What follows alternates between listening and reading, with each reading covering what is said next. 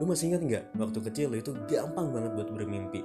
Lu pengen jadi Superman, pengen jadi superhero. Lu tinggal ambil sarung, taruh di belakang, terus lu udah ngerasa jadi Superman gitu. Terus lu pengen jadi penyihir, pengen jadi Harry Potter. Lu tinggal cari sapu, lu naikin sapunya, lu keliling halaman, lu udah ngerasa jadi Harry Potter. Sekarang kalau gue tanya, mana semangat-semangat lu yang yakin bahwa mimpi lu bakal terwujud? Karena kebanyakan dari kita, semakin dewasa malah jadi semakin takut bermimpi. Apalagi ketika orang-orang di sekitarnya nggak ada yang mendukung mimpinya. Terutama ketika dia sadar bahwa mimpinya tuh jauh banget dari realita, dia bahkan rela ngebuang mimpinya gitu aja atau ngedowngrade mimpi-mimpinya biar sesuai dengan realitanya. Gak salah sih, tapi kalau menurut gue itu sayang banget karena lu gak harus ngedowngrade mimpi-mimpi lu, tapi lu bisa ngubah realita lu biar sesuai dengan apa yang lu impikan. Komen di bawah apa mimpi terbesar lu yang bakal lu wujudin dalam waktu dekat.